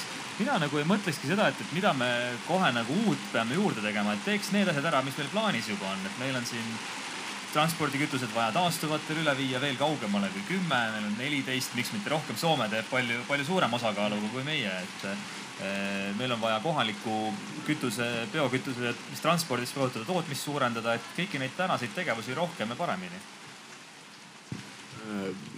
no ma sekundeerin siin äh, Indrekule, kus sa olid seal, et äh, tiheasustuses tegelikult ühistransport on, on loogiline, et äh, ma vaatan omaenda isa, kes nüüd küll on juba pensionär ja oli täpselt selline mees, kes igale poole sõitis autoga. Ja nüüd käib igal pool bussiga. Kui sa, kui sa elad loomulikult bussipeatuse lähedal. ja ma ise samamoodi valisin omale uue maja asukoha selle järgi, et ma ei peaks hakkama taksotama oma lapsi kuskilt eh, põllu, põlluarendusest, vaid saaks nad panna linnaliini bussi peale, mis mu maja ees peatub et, et see on kindlasti see mõtteviis, mis tegelikult jällegi Skandinaavias on juba ammu juurdunud, et kõik sõidavad bussiga, see on jumala normaalne ja mis meil siin Eestis peab veel nagu natuke rohkem juurduma. Ehm, aga samamoodi tegelikult noh, me räägime siin nendest buzzword idest, aga see auto jagamine, ma arvan, noh, seal on kindlalt, kindlasti mingid piirid ees, on ju. ma oma väikeste laste ja koertega ei hakka mingit autot jagama. aga, aga seda annab ju tõlgendada igas kontekstis on ju, et, et, et teha mingisuguseid sõite kesklinna vahel üksi, kui sul on vaja käia kuskil, teha sellega auto jagamist, miks mitte. või ka mõtleme ettevõtte baasil on ju, ma rääkisin, et me ostame nüüd omale ka uue elektriauto Nissani. et tegelikult Elektrilevis on täna väga selge suunitlus Eesti Energia kontsernis, et eh, me võtamegi autosid vähemaks ja teeme üldautosid rohkemaks. sest et niimoodi on see autosid esiteks vähem parklas ja linnatänavatel ja nende kasutegur on palju suurem, on ju. ja eriti tore, kui nad on veel elektriautod, noh kui vähegi kannatab ähm, mina arvan, et võiks tihendada, parendada riigi ja erasektori vahelist koostööd. Et näiteks, et kui siin jalgrattateed olid ähm, teemaks, et äh, et kui oleks parem infrastruktuur, et siis saaks ka DHL näiteks kargojalgrattad kasutusele võtta, et mida me hetkel praegu infrastruktuuri puudumise tõttu teha ei saa. üks asi kindlasti on elukorraldus ja ma olen sellega nõus, et elukorralduse ja inimeste vajaduste noh, nii-öelda arvestamine on oluline ka transpordis heitmete vähendamisel kuid Eesti on maailmas üks kõige väiksema äh, asustustihedusega riike. me ei saa vaadata seda asja Tallinna keskselt, et paneme kõik inimesed Tallinna keskele kokku ja me liigume kõik ühistranspordiga. Äh, paraku üle poole Eestist elab väljaspool tiheasustust ja neil on tarvis liikuda ja, ja seal ära korraldada kõik ühistranspordi näol ei ole võimalik ja ei ole reaalne, ka rentaabel mitte aga mis puutub nüüd äh, sellest, mis nagu oleks oodata või mis tuleks ära teha, siis ma leiaks ikkagi seda, et meil riigi poolt on tarvis rohkem äh, konkreetsemaid äh, ja, ja kaugemale tulevikku vaatavaid poliitilisi otsuseid. mis tähendab seda, et kui täna näiteks elektroenergeetikas öeldakse, et jah, põlevkivi kaob ära ja küsimus, minu küsimuse peale, mis siis edasi saab, öeldakse, aga ülejäänu korraldab turg. ehk siis tegelikult nii ei saaks see asi käia, sellepärast et kui me riiklikult ei suuna nii olulisi äh, strateegilisi asju kui meie enda energiavarustuse garanteerimine äh, ja, ja anname selle nagu turu kätte, siis tegelikult see asi ei toimi ja me ei leia nagu säästlikke lahendusi. Et kuidas tulid päikesepaneelid turule, tulid selle tõttu, et äh, nad olid toetatud mingisugusel perioodil aktiivselt. täna on päikeseelekter maailmas konkurentsitult kõige odavam elekter koos tuulega ilma toetusteta ja tänu sellele, et see mass tuli taha, sellepärast et ennem olid riiklikud toetused. nii, sellel teemal saab jätkata poolteist tundi arutelu, äh, kus osalevad ka mõned Timo vist ja, ja, ja mõned teised inimesed ka. mis kell see on, Timo? Kell neli. kust tuleb elekter? Äh, saab jätkata arutelu, aga ma mõtlen, et äh, võib-olla kaks-kolm küsimust või kommentaari veel publikule ja siis jääb aega veel kolm minutit ka kestvateks ovatsioonideks, eks, paneeli. Rain, sul oli küsimus ju? Äh, Rain Neemlaid Elektritransport OÜ-st. et väga palju oli juttu toetustest. ma julgen väita, et nagu toetuseid tegelikult näiteks elektrisõidukitele täna pigem ei ole enam vaja kaks aastat tagasi käisin Indreku juures, küsisin, et kuulge, et kas on vaja toetada. ta ütles muidugi on vaja, andke täiega raha. täna on elektriauto nii soodne, et ta lihtsalt tasub iseennast ära. sul peab lihtsalt läbisõit olema piisavalt suur, onju, mingid taksod, kullerid, värgid, see asi toimib. me ei pea rääkima toetusest. turg paneb tegelikult asjad paika ja siin on tegelikult vaja seda, et seesama Euroopa Liidu poolt tulevad nõuded, onju, et te peate vähendama ja see paneb asjad liikuma, onju. Volkswagen ütleb, et viie aasta pärast ei tooda mitte ühtegi gaasiautot enam, sest see on mõttetu, onju, kõik läheb elektri peale üle. et tegelikult eraettevõtlus on see, kus toimub reaalne innovatsioon. ja ma ütleksin seda, et kui me saame turu käima, siis see kaheksakümmend protsenti seal aastal kaks tuhat viiskümmend neid CO2 kvoote vähendada. ma ütleksin, et me teeme isegi sada protsenti ära. ma näen, et Raul, sa oled väga veendunud selles tere, Raul Kootov, Eesti Gaas. ma kohe erutusin selle peale, et Volkswagen, Volkswagen ei, ei tooda viie aasta pärast ühtegi gaasiautot, et see pole õige. hea, et sa nüüd teada said selle. et, et, et Volkswagen ütleb seda, et, et nad viie aasta pärast arendavad välja viimase gaasimootori, mida nad kasutavad järgnevad viisteist aastat. selline täpsustus. nii et ei loobu nüüd, pensionile ei jää? okei okay., nii, kas on veel viimane võib-olla üks küsimus või kommentaar? Äh, tere, Mats Laas-Nuuter olen, ma olen äh, linnakorralduse magistrant Tallinna Ülikoolis. Äh, ma tahtsin selle ühistranspordi korralduse juurde öelda, et te võite neid liine korraldada nii hästi kui, kui tahes, eks ju. see võib olla väga efektiivne, see võib olla väga atraktiivne teenus. aga iga ühistranspordisõit algab ja lõpeb jalgsi käiguga, mis tähendab seda, et see jalakäija tuleb kvaliteetsest avalikust ruumist. avalik ruum peab olema kvaliteetne ja kui see avalik ruum ei ole kvaliteetne, kui see on nagu ülejääk reiditeest, siis, siis paraku neid, neid ühistranspordi kasutajaid ei tule mitte kuskilt. nii, vot sihuke lugu, Merike, kvaliteetne ühistransport. perroonid korda jah? kui, kui sa juba, kui sa juba seda Elroni majandad tee ümberringi, et kõik linnad, kuhu Merike sõidab, need hakkavad õitsema. ja, ja järgmine aasta siis sa järgmine aasta siis kõik saavad Merikselt küsida, et kuidas tal on läinud selle linnaruumiga. aga, aga mina tahaks tänada oli, oli paljude keerdkäikudega, aga väga põnev diskussioon. ja, ja loomulikult äh, ma arvan, et äh, siin katuse all võib veel jätkata enne järgmisi arutelusid vabas vormis. aga igatahes äkki publikult noh, norime ühe aplausi välja